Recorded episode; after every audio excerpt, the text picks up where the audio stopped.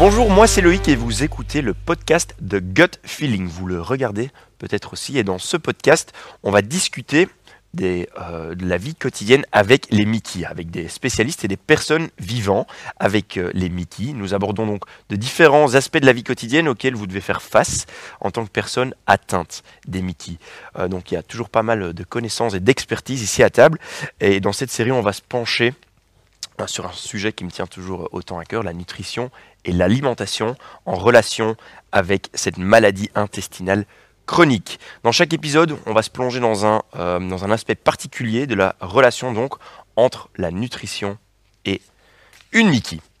Euh, dans les épisodes précédents, on a parlé de plein de choses, de nutrition, de probiotiques, de prébiotiques, de transplantation fécale que j'ai retenu, de choucroute et aussi de dimanche pluvieux avec Xavier. Mais dans cet épisode, euh, nous allons nous approfondir sur la manière dont un patient euh, passe du conseil à l'application effective dans la vie quotidienne. Donc pour dire comment passer de la théorie en pratique. La question que moi je me pose, c'est donc où trouver les bons conseils et où trouver les bonnes informations concernant l'alimentation et les Mickey. C'était beaucoup de textes pour euh, en fait dire comment passer de la théorie à la pratique. Et ça, Kathleen, je voudrais bien commencer avec toi. Euh, tu avais 13 ans quand tu as été diagnostiquée, du coup, j'imagine que tu as eu plein d'informations de tous les côtés. Où était pour toi euh, l'endroit où tu devais aller chercher de bonnes informations alors c'est vrai que étant diagnostiquée jeune, c'est mes parents qui ont un peu cherché les informations au départ. Comme on en a parlé beaucoup euh, avant, c'est qu'il y avait les croyances. Euh, parce que en grandissant, euh, mes parents sont d'une génération où il fallait le morceau de viande, la pomme de terre, les légumes, du poisson une fois par semaine, et c'était très bien. Euh, et c'est resté comme ça pendant euh, mon adolescence. Puis il a fallu apprendre à cuisiner soi-même, c'était nettement moins évident. Euh, au début, on va au plus pratique et au plus pressé. Et puis, bah, il y a une réflexion qui s'est installée aussi, de savoir, voilà, manger équilibré, avoir un, un, régime alimentaire sain. On a parlé du régime plus méditerranéen. voilà, c'était des choses qu'on entendait à gauche et à droite. Et on essaye, en fait, d'appliquer le plus possible ces conseils on va pas se mentir, c'est très compliqué. On essaye au maximum, en tout cas à la maison, de cuisiner des produits frais. On essaie de systématiquement euh, cuisiner et ne pas acheter euh, des plats tout faits ou voilà. même au niveau du pain, par exemple, j'essaye de faire mon pain moi-même. Enfin, c'est des petites choses, mais on essaie de les mettre en place. Après, on va pas se mentir, il y a des périodes dans la vie où on a du stress, on a des occupations, on rentre tard, on est fatigué et où bien sûr on va craquer, on va commander avec euh, une application euh, l'un ou l'autre resto, ou, et on va faire une espèce d'entorse au régime. Euh, mais globalement, j'essaye de manger plus ou moins équilibré. Et encore, le mot équilibré, c'est aussi à nuancer parce que ben, je pense que il y a mille versions du régime équilibré aussi. du coup, Pauline, tu es diététicienne, experte en nutrition. comment est-ce que les, les patients doivent-ils procéder à avoir de bons conseils diététiques? Est-ce que c'est directement euh, chez vous qu'ils doivent aller? Est-ce qu'ils doivent chercher sur Internet? Comment ça se passe? Alors, c'est vrai que je pense que les patients, ben, déjà, euh, de par euh, le fait que l'information est accessible maintenant un petit peu partout, ils sont confrontés à des informations diverses et variées et qui peuvent parfois sembler contradictoires. Et donc, je pense que la première question que les patients doivent se poser, c'est est-ce que la source de mon information est fiable? Et ensuite, dans une démarche un petit peu de, modification alimentaire, je pense qu'avant de changer quoi que ce soit, c'est important de faire valider ces informations par un professionnel de santé, que ce soit soit leur euh, gastroentérologue référent, soit leur diététicien ou les deux, pour finalement avoir une validation de ces conseils et savoir est-ce que euh, finalement ils sont adaptés euh, ben, à chacun, enfin en tout cas à la personne en tant que telle, et en tout cas les faire valider par cette personne qui les connaît, qui connaît leur état de santé, qui connaît euh, finalement euh, leurs besoins. Et donc ça, je pense que c'est quelque chose qui est important. En tout cas, avant de changer quelque chose, de, toujours euh, en référer à, un professionnel de santé. Après, nous, en tant que diététiciens, mais pour formuler des conseils aux patients, on va, on va suivre ce qu'on appelle une démarche d'evidence-based. Ça veut dire qu'on va toujours je vois que tu fais une tête oui, étonnée. L'evidence-based, en fait. Ah, evidence-based. Evidence-based, oui, ça veut dire qu'on va en fait travailler sur des preuves scientifiques. Et donc, c'est tout ce qui va être amené par la recherche, euh, etc. Mais on va toujours analyser cette information-là en fonction de notre expérience, de notre pratique clinique et aussi en fonction du patient qu'on a en face de soi en tant qu'individu.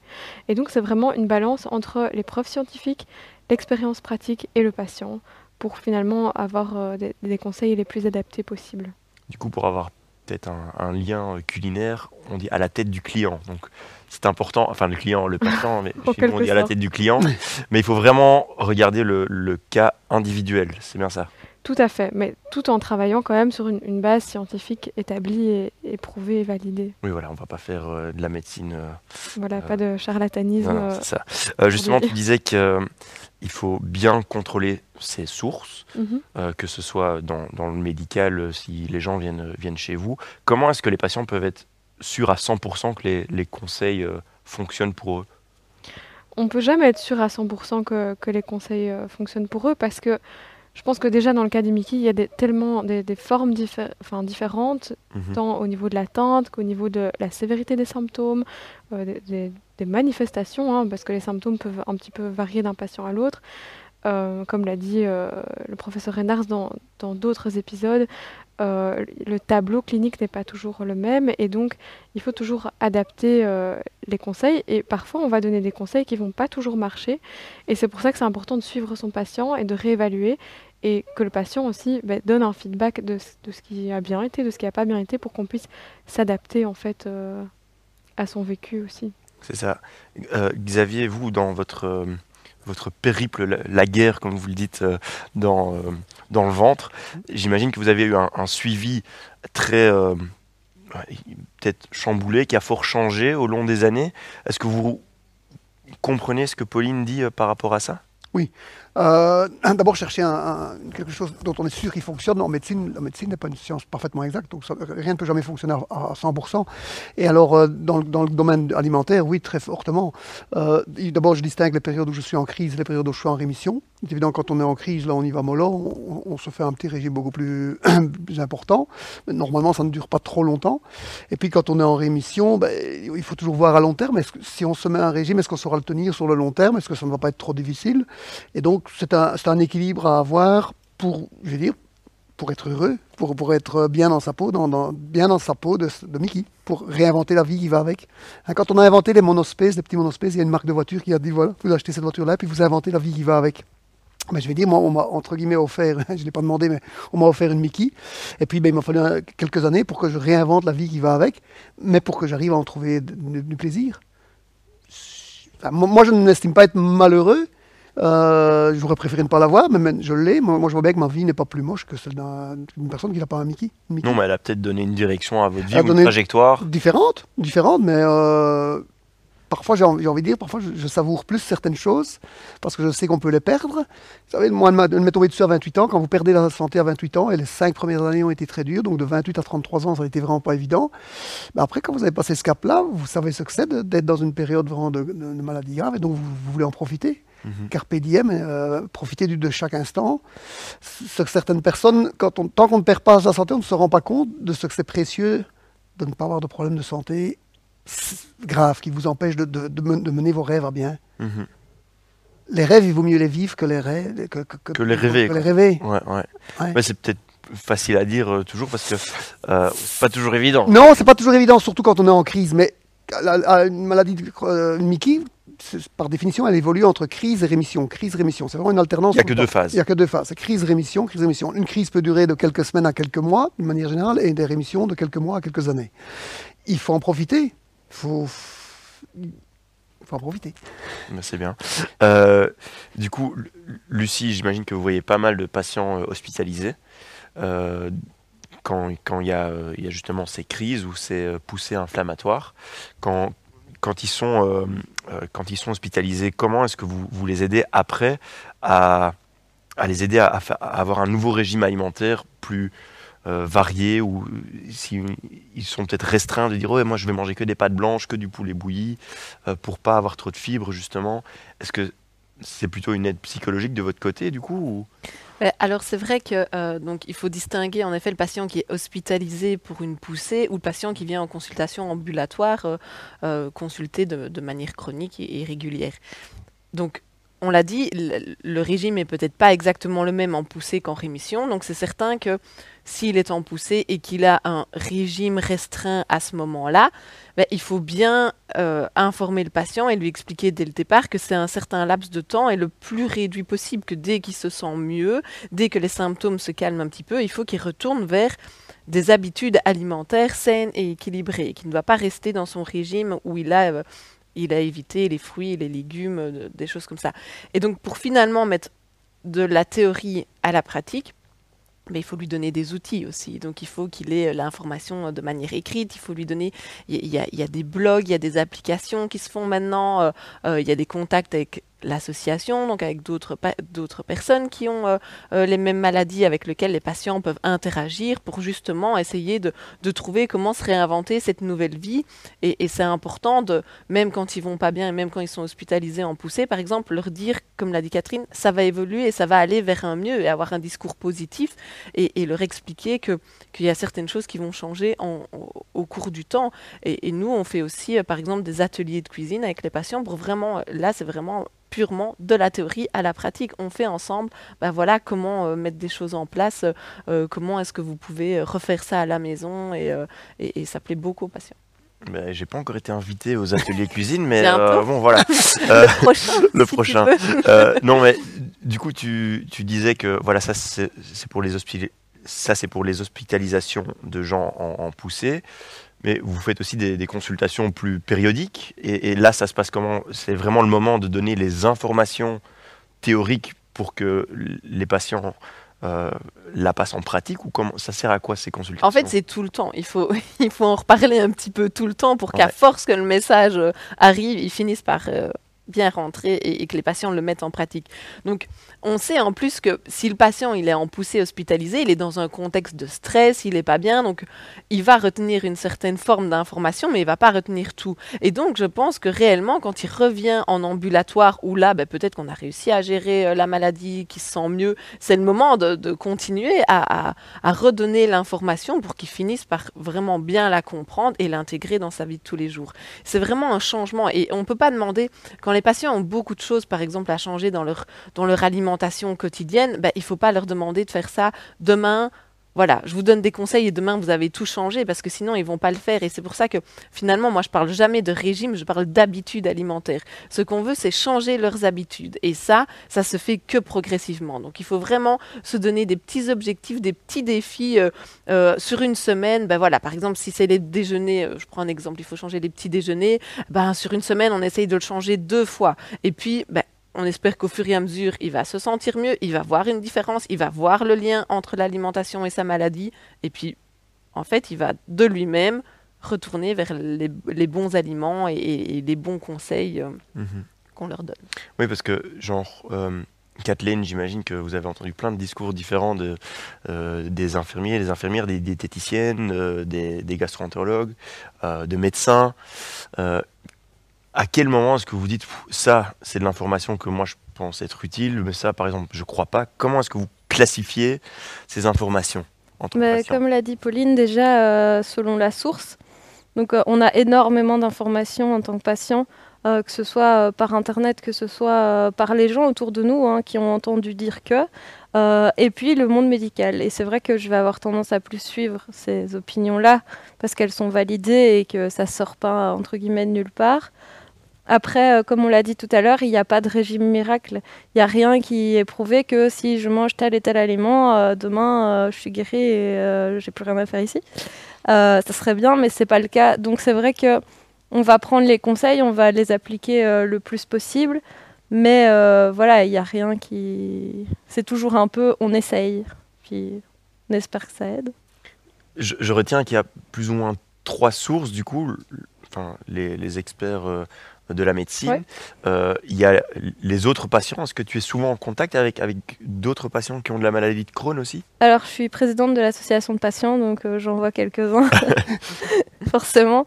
Euh, et c'est l'occasion aussi parce que ben voilà, j'ai une place entre guillemets privilégiée puisque quand il y a des informations patients qui sont données euh, dans certains hôpitaux, euh, j'y assiste. Et donc c'est vrai que j'ai des petites remises à niveau au niveau alimentation de temps en temps, petite piqûre de rappel où je me dis, bon allez, faut quand même faire un peu plus attention Ouais. à ça, et ça.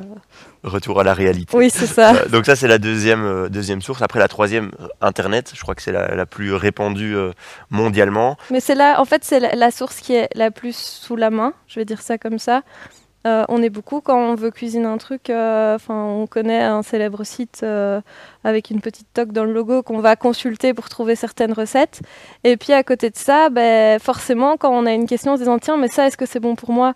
Et qu'on regarde sur sur internet, on a d'une part les blogs qui vont être rédigés par des spécialistes, par des médecins. Et puis on a un peu tout quoi.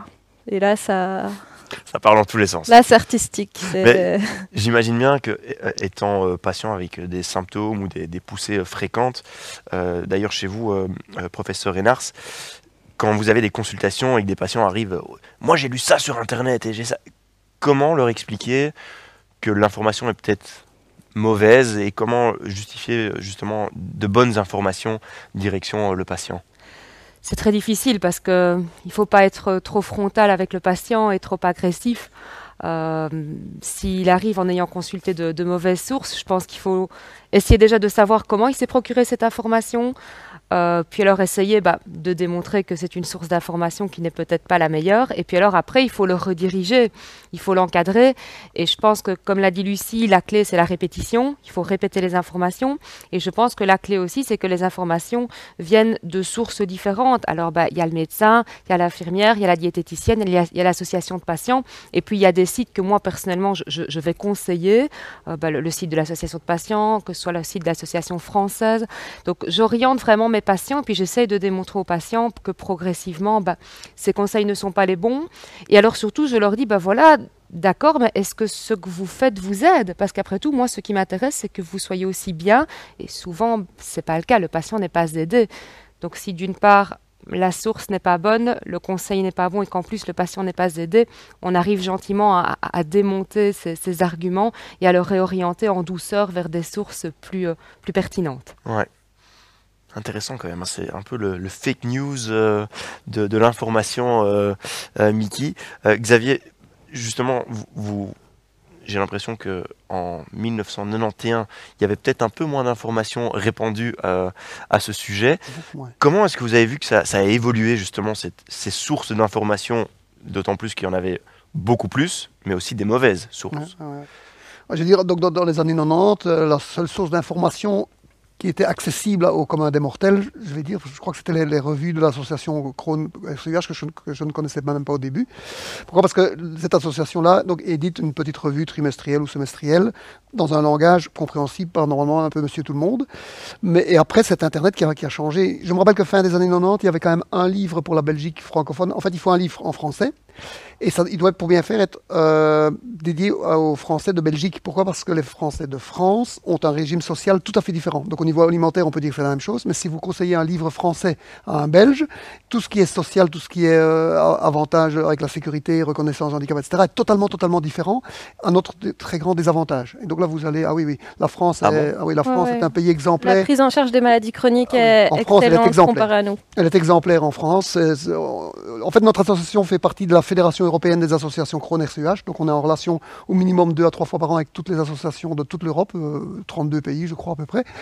Et euh, la France est vraiment un, un exemple là-dedans. Alors, pour le, le Belge qui, a- qui- qui habite Bruxelles, Namur ou Mons, à la- près de la frontière française, il va très vite aller chercher des renseignements en France. Alors, si c'est des renseignements sur la diététique et tout ça, il n'y a aucun problème. Mais si c'est des renseignements sur le côté social, c'est la catastrophe. Faut pas le faire. non. Non, il, non, il va, il, va, il va être va déçu. Il va être très déçu. Ça, c'est plutôt le côté euh, social euh, euh, de Oui. Mickey. J'aimerais juste encore poser une question, euh, parce que je trouvais intéressant ce que, ce que tu disais, Pauline. Euh, du coup, c'est souvent un, un régime très personnalisé, vraiment euh, à la tête du client, comme je dis, mais Mhm. vraiment par patient. Est-ce qu'il y, y a encore moyen de, de tenir compte Lui, il peut ça, elle, elle ne peut pas si. hein? Ça doit- ça m'a l'air difficile de, de tout euh, tenir en compte. En effet, mais donc c'est pour ça qu'à la base de nos conseils, il y a une base scientifique qu'on va suivre. Et ensuite, on va s'adapter et personnaliser par rapport à ça. Euh, et donc, c'est aussi tout ce qu'on disait au début avec la tolérance digestive individuelle, etc. C'est vraiment ça qui va nous permettre de personnaliser les conseils. Et donc, c'est vraiment essentiel de, travailler de cette manière-là parce que ben, il n'y a pas il n'y a pas de régime unique, il n'y a pas euh, de, de, régime miracle. Alors évidemment, ce, ce serait peut-être bien si ça existait, mais en fait, ce serait peut-être aussi pas si bien parce que ça mettrait beaucoup plus de limites en termes d'applicabilité et beaucoup plus de, contraintes. Et ce serait beaucoup moins flexible, je pense, que, que la version euh, actuelle. Alors c'est clair que bah, ce serait bien si, si, on pouvait avoir des preuves scientifiques un peu plus, euh, plus solides sur certains points. Mais, euh, mais je pense que cette possibilité justement de personnaliser, c'est une opportunité à prendre, justement un suivi sur mesure. Voilà. Est-ce que quelqu'un a encore quelque chose à rajouter euh, Moi, je pense que c'est important quand même de, parler de la disponibilité aussi. Si on veut que les patients cherchent l'information et la bonne information quelque part, il faut, euh, il faut la rendre disponible et il faut que nous, on soit disponible aussi. Donc, nous, les patients savent que s'ils ont une question, ben voilà, ils peuvent toujours, s'ils ont lu quelque chose avant de l'appliquer, ils peuvent sans souci nous envoyer un email ou quoi pour demander notre avis. Euh, c'est pour ça qu'on fait des, des, journées patients. Et c'est très bien aussi de montrer la disponibilité. Ben, de l'association. Xavier l'a dit, avec l'écoute, euh, euh, il, a, souvent les patients au téléphone et eux ben, vont se remettre un peu à niveau et, euh, partout dans, tous les congrès. Et du coup, ils savent donner une bonne information aussi. Et finalement, si on dit au patient où la trouver, bah, il n'ira pas la chercher où il ne faut pas. Quoi. il faut savoir qu'un patient en souffrance, quand il est en souffrance, il s'adresse d'abord à son médecin. En Belgique, c'est quand même le, la règle fondamentale, on s'adresse à son médecin. Mais malheureusement, même les meilleurs gastro-entérologues parfois n'arrivent pas à résoudre un certain cas où parfois il leur faut un an pour résoudre le cas. Si le, patient est toujours en souffrance et que la réponse médicale scientifiquement prouvée ne, va pas, il est prêt à, suivre n'importe quel sauveur. Ça, ouais. ça, il faut pas faire. Voilà, il faut pas faire parce que vous avez, vous avez beaucoup de prouvés scientifiquement, prouvés cliniquement qui, ne veulent absolument rien dire et ça va les entraîner dans des dépenses financières catastrophiques. Ça ne va pas améliorer leurs résultats. certains, on va, certains vont même leur dire arrêter, vont même leur dire d'arrêter leur médicament qui est pourtant un médicament prouvé scientifiquement. Donc il faut être, il faut être très vraiment bien conscient de ça que le, patient qui est en souffrance, il attend un sauveur, il attend une solution dure comme faire ça, ça va marcher. On peut rappeler qu'il n'y a pas de recette miracle et que euh, on, en parlait tout à l'heure, euh, voilà, mettre en place une alimentation équilibrée ou euh, essayer autre chose, c'est pas forcément euh, nocif, mais toujours avec l'accord du gastro et en collaboration. On n'arrête pas son médicament pour suivre l'un ou l'autre. Je retiens la disponibilité des professionnels pour les patients.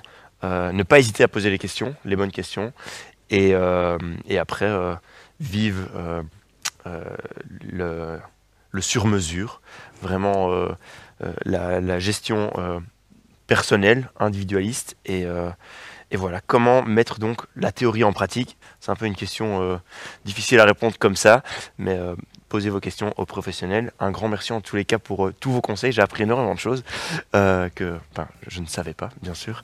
Et, et voilà, c'était le dernier épisode du gut feeling par rapport donc à la nutrition, l'alimentation et sa relation avec les Mickey.